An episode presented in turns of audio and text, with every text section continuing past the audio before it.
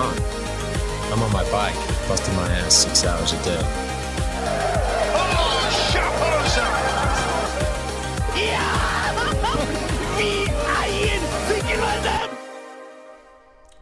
Velkommen til Sykkelsirkuset! Tusen takk. tusen takk eh, Du håper ikke bare sånn som meg, men også til eh, lyttere. Andre Ja, lyttere. Ja. så absolutt. Eh, Jeg er Tom Kløstad, jeg har med meg Jaran Millet. eh, Og vi er en helt ny podkast som skal ta for oss de største sykkelrittene på sykkelkalenderen.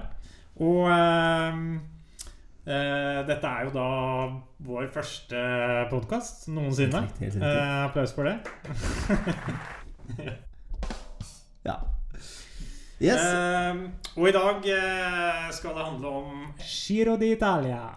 Giro d'Italia. Giro d'Italia. Årets første Grand Tour. Årets eh, Giro d'Italia er den 285. Grand Tour uh, i rekken siden aller første Tour-utgaven i 1903. Fantastisk. Og, men det er kanskje ikke Giroen har en tendens til å gå litt under radaren her i Norge. Det er alltid mye oppmerksomhet rundt Toren, men eh, eh, får kanskje ikke like mye oppmerksomhet, og det vil jo mange hevde at eh, kanskje ikke er helt eh, fortjent. Nei, det er jo litt sånn, eh, sånn eh, Tor Hushovd-generasjonen, som jeg kanskje kan kalle det, som har liksom gjort at Tour de France har blitt stort her i Norge. Vi har hatt liksom, Han har fått gode resultater i Tour de France, og det er der han har hatt fokus. Mens nå har vi jo hatt ryttere som på en måte har spredd seg litt utover sykkelåret, kanskje, og ikke bare hatt fokus på eh, Tour de France. Så absolutt. Og um, det er jo ikke, det er jo ikke flust av norske ryttere mye i år heller. som- Ikke flust. Men uh, vi har én med, og det er eh, Tobias Foss. Vi skal snakke litt om han. Og vi skal også gå gjennom uh, ruten. Helt riktig. Vi har jo vi har, Hvor var du? Et sportslig øyeblikk hvor vi skal ta for oss noen historiske øyeblikk som har skjedd gjennom Giro d'Italia sine 100 år. Men aller, aller først eh, Vi prater litt om hvorfor Toren var større enn Giron. Men er det egentlig eh, god grunn til det? Eh, det vil jeg jo absolutt eh, ikke si. Eh, jeg føler at giroen kanskje er litt eh, undervurdert, i hvert fall her i Norge, som vi var inne på. Og eh, eh, hvis jeg skal komme med tre grunner da til at eh, jeg mener faktisk Giron er bedre enn Toren eh, og Da har jeg utelatt de tre pene. da Paven, Pasta og Pavarotti. Men, men de ligger veldig høyt, de også, gjør de ikke det? Absolutt. Ja. Eh, nummer én Italia er vakrere. Udiskutabelt. Ja, det vil du si? Mer sjarm, vakrere arkitektur. Eh, og så er det jo en fantastisk kultur òg, da. Mm. Jeg vil kanskje si at eh, hvis du skal sammenligne, så er Tour de France som en stor stadionkonsert. Mens eh, Giroen er mer en intimkonsert på det litt slitne, sjarmerende og hippeste utestedet i byen. Ja. Eh, nummer to det er vanskeligere og mer uforutsigbart. Faktisk 40% i Italia er bygd fra fjell. Shit. Ja, så um, Det gjør jo at det blir mer eh, Det blir mer stigninger. Og det blir også mer uforutsigbart i og med at eh, det blir mer skifter i sammenlagtledelse. Ruten blir mer dynamisk, og det kan være vanskeligere å kontrollere for de store lagene. Det er jo eh, fjellene vi elsker, er det ikke det? Når vi ser sykkel. Det er det er der ofte ting blir avgjort. Eh, I hvert fall i treukersrittene.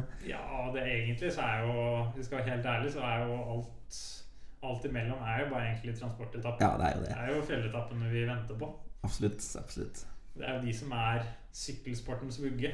Og i år så er det jo noen eh, relativt eh, bratte stigninger rytteren skal opp. Det kommer vi litt mer tilbake til etterpå. Og så eh, lidenskap må vi ikke glemme. Italienere lever av ånde for sykling. De elsker jo sykkelsporten. Det betyr alt i Italia. I Frankrike så, så er de interessert i sykling, men i Italia så betyr det alt. Det De er villige til å dø for sykkel.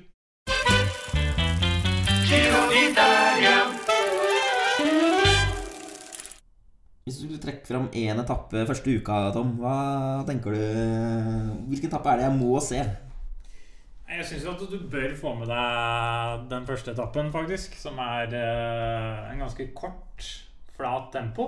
Så Tobias Foss, det blir utrolig spennende å se hva han kan få til. eh, med tanke på den tempoen i Baskeland rundt. eh, hvor han ble nummer eh, fire. Mm. Så Foran Pogacar. Ja, ikke minst. Videre også så blir det jo allerede spenning på andre etappe. Eh, da skal spurterne i ilden, og spurtfeltet er jo meget sterkt. Uh, Caleb Ewan eh, er med. Eh, Dylan Groneveggen er tilbake fra ni måneders utestengelse. Etter å ha kjørt ned Vabio Jacobsen. Ja.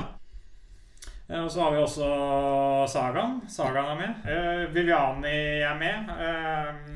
Han har jo fem etappeseiere i giroen, og det blir jo spennende å se om han kan overvinne dette Coffides-syndromet. Hvor alle ryttere som går til dette franske laget, slutter å vinne. Eh, Gaviria er med. Eh, han er heller ikke helt i form. Han har hatt korona to ganger, faktisk. Så Det er mulig. ja, det er faktisk mulig.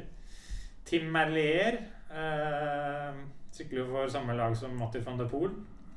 Har vunnet uh, flere av disse mindre spurtklassikerne og er en mann å se opp for. Nisollo.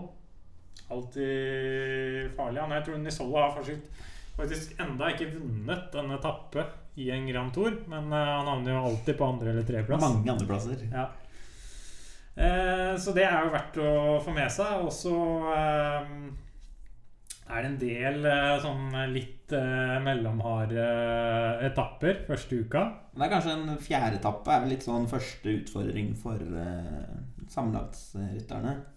Hvis man skal liksom tenke eh, antall høydemeter. Det er kanskje ikke liksom de aller største navnene som uh, Som Pogacar og Roglic er jo ikke med. Men eh, bak de så er det jo en, et kobbel med gode sammenlagtsryttere som eh, er med i uh, årets uh, Giro. Og feltet er ganske mye sterkere enn det var i fjor også. Mm. Uh, Bernal er jo med. Han har slitt mye med ryggproblemer. Og han sleit jo med det i toren i fjor også. Han har liksom ikke kommet seg helt. Altså jeg vil ikke liksom, Vi kan si at han er egentlig er den største favoritten. Nå hadde- han faktisk en lengdeforskjell på beina på 1,5 cm. Eh, og det er det som skaper problemer. eh, gjør at han får en sånn skjevhet i ryggen og blir stiv i ryggen når han sykler. Og få en sånn litt høy pedal på denne sida, sånn at han eh, ja, noen kloss. Ja, ja. Ja. Det, jeg tror kanskje de har tenkt på det i Neos. Apropos det, apropos litt, litt sånn teknisk. Jeg så en sånn Den der stillinga hvor du ligger nede på sykkelramma i nedoverbakker, den har jo blitt ulovlig Det er vel første rittet nå det er ulovlig å ligge på sykkelramma. Supertucking. Supertucking. Mm, det, Så er så ikke, en, eh, en det er eh, ikke supert med tucking lenger. Nei, det er ikke supert. Så jeg så en sånn oppfinnelse som noen hadde funnet hvor de kunne Du har sånn spring i setet. Sånn at du kan trykke på knapp på styret, så går setet helt ned. Så du sitter fortsatt på setet, men du legger deg veldig lavt. Ja, Og det er jo, da, da er du innafor reglene til UCI. ja, stemmer. Kanskje du må eh, få jobb i noen av lagene og Ja, ja. implementere noen eh, nye ideer for å omgå Supertucking. supertucking-banning. Supertucking 2.0. Not so supertucking. Men uh, Carapaz ble jo faktisk tatt for uh, supertucking. Han ble det? Eh, nylig. Er det sånn eh, 2000 sveitserfrank i bot, eller hva er greia? Det vites ikke, men uh, jeg tror han fikk en uh, Jeg tror han fikk en bot, ja, av UCI. Så, uh, så han ble den første som faktisk fikk uh, unngjelde for den nye regelen. Men jeg, jeg må jo innrømme at jeg syns det er litt sånn Litt overdrevet, hele greia. Og at Er det liksom nødvendig å forby det? Det er, jo, det er jo mye som er farlig i sykkelsporten, så kanskje man skal liksom begynne å forby ting. Så Vi kan jo slutte å sykle ned fjell på 3000 høydemeter og stupe ned i 80 km i timen. på en måte Det er jo det er det mye man kan slutte med, da. Så- Absolutt. Men eh, for å komme litt tilbake til Vi var jo inne på Vi snakket jo om sammenhetsfavoritter. Eh, og vi må jo nevne Evnepol også. Eh, og jeg må innrømme at jeg ah, Jeg gleder meg til å se Evnepol. Han har faktisk ikke konkurrert siden august i fjor. når han eh, krasja ut av Lombardia. Det var grusomme bilder. Han traff kanten på en bro og stupte over styret og ned i grøften og lå der livløs. Eh, Fikk brudd i bekkenet og ødela lungene. Har brukt lang tid på å bygge seg opp igjen. Han lekte seg jo i juniorklassen. Uh, de måtte jo gjøre om Vi måtte forkorte løpene i juniorklassen fordi han var så, var så god og herja. Uh, han er jo en av de da selvfølgelig som har blitt uh, fått merkelappen nye Merks. En av Etter Edvald Boasen Hagen. Ja, en av 800. Ja. Han vant jo Polen rundt i fjor, rett før han i, fikk men han har jo aldri sykla en Grand Tour. Mm. Det er veldig spennende å se hvordan han holder eh, tre uker istedenfor bare én uke. Ja, og takler han på en måte det presset, restitusjonen underveis. Mm. eh, Så det er liksom Det blir spennende, men eh, han har jo, siden han aldri har starta en Grand Tour, så er det liksom vanskelig å si at han er den store favoritten. Mm. Uh, ja, så har vi også Hugh Carty, ikke så kjent. Ehm, den nye Froome. Er det bedre å være ny Froome eller den nye Eddie Marks? Jeg vil kanskje si at det er bedre å være den nye Froome. Ja. Det kommer litt mindre press med den tittelen. Ja. Nei, men han, eh, han gjorde jo veldig bra i fjorårets Duelta. Han eh, kniva jo lenge med Roglic og Carapaz der. Eh, og er jo meget sterk på i uh, lange stigninger, så det burde jo egentlig passe Ruta burde passe ham perfekt i år. Spennende. Det blir veldig spennende å se. Det er jo, eh, jeg ser, det er jo mange outsidere. Jeg skal ikke, vi trenger ikke gå gjennom alle her nå, men det Der er kan jo vi holde på, eh, holde på hele natt, egentlig. Ikke sant? Så det er jo, som sagt, giroen er alt som alltid veldig åpen. Eh, kanskje et par-tre storfavoritter i eh, i Bernal og Yates og eh, Evenpool, men eh, så er det sånn megaåpent felt bak.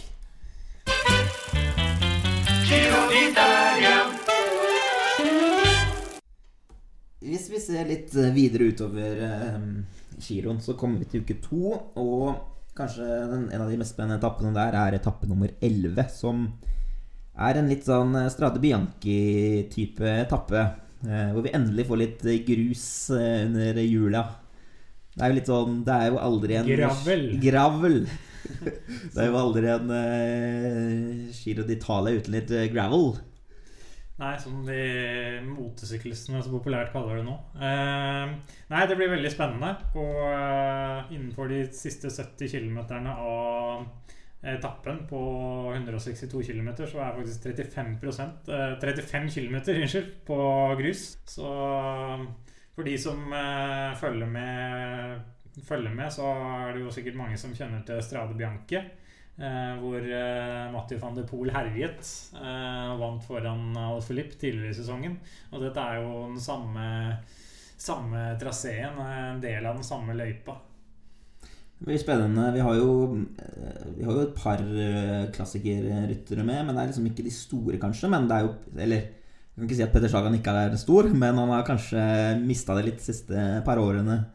Men han er vel kanskje en av de største favorittene på den etappen, selv om det er megaåpent. Man vet jo aldri hva som skjer på grus. Eh, det er vanskelig å liksom trekke fram en eh, klar favoritt, men det er klart Sagan blir jo farlig. Og du har ryttere som Betiol, Mascon og Bernal også må jo nevnes, som ble faktisk nummer tre, eh, ganske overraskende, i Strade Bianche. Så han er jo også kanskje den av sammenlagsfavorittene som er eh, takler eh, grus best, da. Mm. Og så eh, 14. etappe til Monte Socolan, ikoniske Monte Socolan. Eh, det blir meget spennende. Og eh, 14,1 km lang med en snitt på 8,5 Og de siste to kilometerne så stiger det 13% Det er ganske heavy. Det er vel virkelig det her vi får se sammenlagtsfavorittene eh, skyte eh, Gå løs på hverandre. Skyte med hofta. Skyte med hofta! Mm, ja. Eh, for første gang i år. Eller det, det, det har vært mange harde etapper, men det her er kanskje en som virkelig kommer til å skille Her kan du virkelig tape Giro d'Italia. De har, jo- sykla dette fjellet ganske mange ganger før, bl.a. i 2018, hvor Chris Froome vant. Et ikonisk år for hans del, kan man si. Ja, når vi snakker om eh, Monte Socolan, så har jeg lyst til å gå tilbake til Giroen i 2018, som var et av de store høydepunktene for meg eh, personlig. Og du har, du har laget en liten reportasje eller et klipp om det her, Tom, eh, som vi skal høre.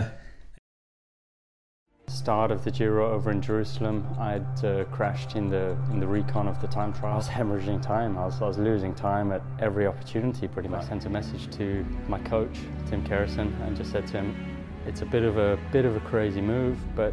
What do you think if I went 80 k's out? I found myself coming into stage 19 over three minutes down. Pow! Chris Froome decides to lay to stick one on absolutely everybody. Oh, and is it going to be a knockout? Nearly six minutes as Froome holds his pace. Simon Yates is losing it. Simon Yates had started dropping. He's right near the back. Yates, Do you know big what? jersey. That's not good. That's not good. We hit the foot of the, the Finestra and the team. I asked the guys to, to ramp it up through all the hairpins earlier on and make the race harder and harder so for, for the guys further back. He's now going to crest the Chima Copy, the highest point of the race. to go around a motorbike pilot who had crashed in the tunnel. Chris Froome has just moved in to the virtual pink jersey. As the race went on and that, that gap went up from one minute, one and a half, two, two and a half, three, and it was just like, wow, I'm now in, in, in reach of pink jersey and the, the overall lead of the race. 50 metres, 25. Oh, Chris Froome! Knockout performance! Ja, det var jo eh, ganske, ganske spesielt, og vi har aldri nesten sett noe før eller eh, siden. Det var da altså Chris Froome sto opp fra de døde på den 19. etappen av Giro d'Italia i 2018 og angrep 80 km fra mål. Og sto ja, kanskje for et av de mest mirakuløse comebackene i sykkelsportens historie. Og holdt, eh, holdt det helt inn og tok igjen tre minutter på Demola og Simon Yates. Og Simon Yates var vel sånn Fikk en liten uh, kjenter i beina han òg, med tolv minutter bak i mål, cirka. Uh, ja, han endte til slutt på nesten 40 minutter bak Ja, i sammenlagt. Ja. Så Men på tappa, så var det vel sånn 11-12 minutter bak, tror jeg. Ja. Eh, og det er vel også et av de større kollapsene vi har sett i eh, en Grand Tour. Eh, så Giro d'Italia. Det er bare å glede seg. Alt kan skje. Ja. Jeg vil jo si at uh, dette kan bare skje i Giro d'Italia.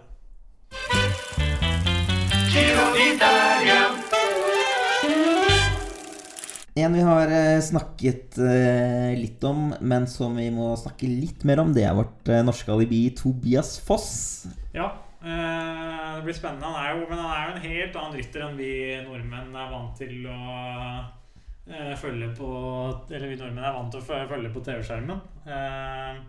Og spørsmålet er liksom kan, kan han bli en god sammenlagsrytter. Og hva kan han få til i fjellene allerede i år? Det er jo det store spørsmålet. Vi har, jo, vi har jo hatt disse håpene tidligere med Edvald og oss andre ryttere som eh, kanskje ikke har blitt eh, de, de store rytterne som vi har eh, hatt forventningene til. da Så eh, vi skal være litt, kanskje litt forsiktige med å, med å utnevne han som vår, vår, norske, vår norske Chris Froome eller eh, noen, eh, en annen eh, sammenligning. Men vi, jo, eh, vi må jo være såpass ærlige at det er en liten, eh, et lite håp der. Absolutt. Og han vant jo eh, ungdommens Tour de France, Tour de Avenir, i 2019. Og eh, Fulgte etter to eh, relativt eh, gode ryttere. Ja, eh, relativt gode. Eh, 2018 så var det en viss Pogacar som vant det samme rittet. Eh, 2017 Bernal. Så der har du et uh, knippe med relativt uh, friske ryttere. Hvis det er et sånt uh, springbrett til en god sykkelkarriere, så kan man vel ikke finne seg en bedre um, måte å starte karrieren sin på. Ja, men er det ikke sånn at du automatisk vinner Tour de France året etterpå, da. Men eh, for da vil jo Altså, det er jo tydeligvis det. Ja, kanskje. Men uh, eventuelt giroen, da. Eventuelt giroen. Kanskje vi bare må bytte ut giroen her med toren. Sånt. Uh, og at eh, Jeg ser et visst mønster her. Tobias. Foss kommer til å føye seg inn i rekken her og vinne Giro d'Italia. Hvis vi, du hørte det her først. Ja. Nei, jeg, jeg vet ikke om jeg liksom kan uh, skrive under på det. Men uh, Han er, uh, han er jo utrolig spennende, og, men det er kanskje først og fremst på tempo. Og eventuelt på noen halvharde etapper. eh, Det er ikke så mange av de mellomharde etappene kanskje i år, men eh, det er jo kanskje et par av dem vi kan eh, Ja, Spørsmålet er om han er liksom god nok allerede nå til å henge med i de lengste fellene. da mm, Nei, det skal vel eh, kanskje ikke ha veldig store forventninger om når eh, når det er såpass eh, men, men, men hvis han får friheten da, til å gå, eh, eventuelt og, og Det er ikke sikkert han får det heller. Han har jo um, en George Bennett på laget som eh, Ja, det er Bennett som er Kaptein. kaptein ja. Så Så vi får se hvordan rollen hans blir, men sannsynligvis så er han jo vel henta inn for å være en slags hjelperytter, og kanskje han får da en fri rolle på tempoetappene i første omgang. Ja, og så vet jo ikke Bennett har jo en litt sånn historie med, med litt uhell også. Og vi vet jo ikke hvordan det kommer til å eh, utspille seg. Så plutselig så kan jo Tobias Foss sitte som kaptein. Eh, og da kan han jo få muligheter kanskje til å gå i brudd. Mm. Eh, særlig kanskje siste uka, hvis han eh, kommer seg så langt. da Vi har jo, vi har jo eh, Carl Fredrik Hagens åttendeplass i Vuelta i Spania 2019 som, eh, som det beste resultatet nordmann har gjort i et, eh, et tre ukers ritt. Så jeg, jeg, jeg tviler på at vi skal opp der med, allerede, men eh, si ikke det. si ikke det. det blir uansett veldig spennende å følge ham på tempoetappene. absolutt, absolutt.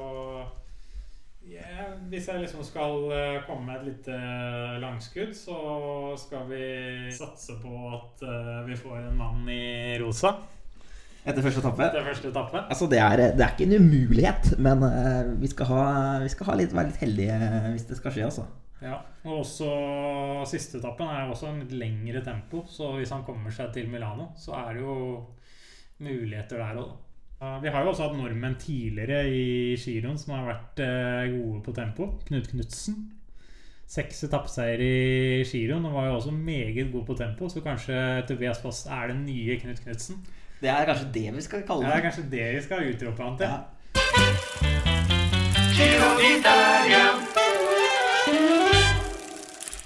Da har vi kommet til eh, uke tre av eh, giroen, og vi skal inn i um, Dolomittene. Og her eh, faller vel avgjørelsen eh, kanskje ganske kjapt. Ah, det blir spennende. Eh, jeg kjenner det kribler litt allerede, fordi dette er, liksom, dette er nostalgi. Og vi kan jo begynne med 16. etappe. Eh, fra mandag 24. mai fra Sakile til Cortina di Abezo. Det er eh, en etappe du skal merke i kalenderen din. Eh, en formidabel test i Dolomittene. Og hele 5700 høydemeter skal forseres på etappen. Og inne på de 100 siste kilometerne skal man også over tre fjellpass på over 2000 meter. Så vi kan trygt si at giroen kanskje kommer til å bli avgjort der. Det er ikke ofte man sier det, men det er faktisk kanskje her det blir avgjort. Så denne må du få med deg hvis du skal em, se årets Giro Italias mest, kanskje mest spennende etappe. Så absolutt. Og her eh, tipper jeg vi kommer til å få se Bernal, Yates, Landa, Vlasov, eh, Evnepol kommer til å banke løs på hverandre. Det er faktisk en rytter vi ikke har snakka så mye om, da, Mikkel Landa. Eh, god, gammel eh, Ringrev der. Ringrev, ja. Eh, og han er jo har jo et enormt eh, toppnivå. Eh, så når han er i form og eh, har et lag som eh, sykler for han, som han har nå Han har god støtte, bl.a. i Pello Bilbao. Eh, som ble nummer fem i fjor. Og han er jo en vanvittig god klatrer, og ruten passer jo han perfekt. Så kanskje det endelig liksom skal klaffe for han, da.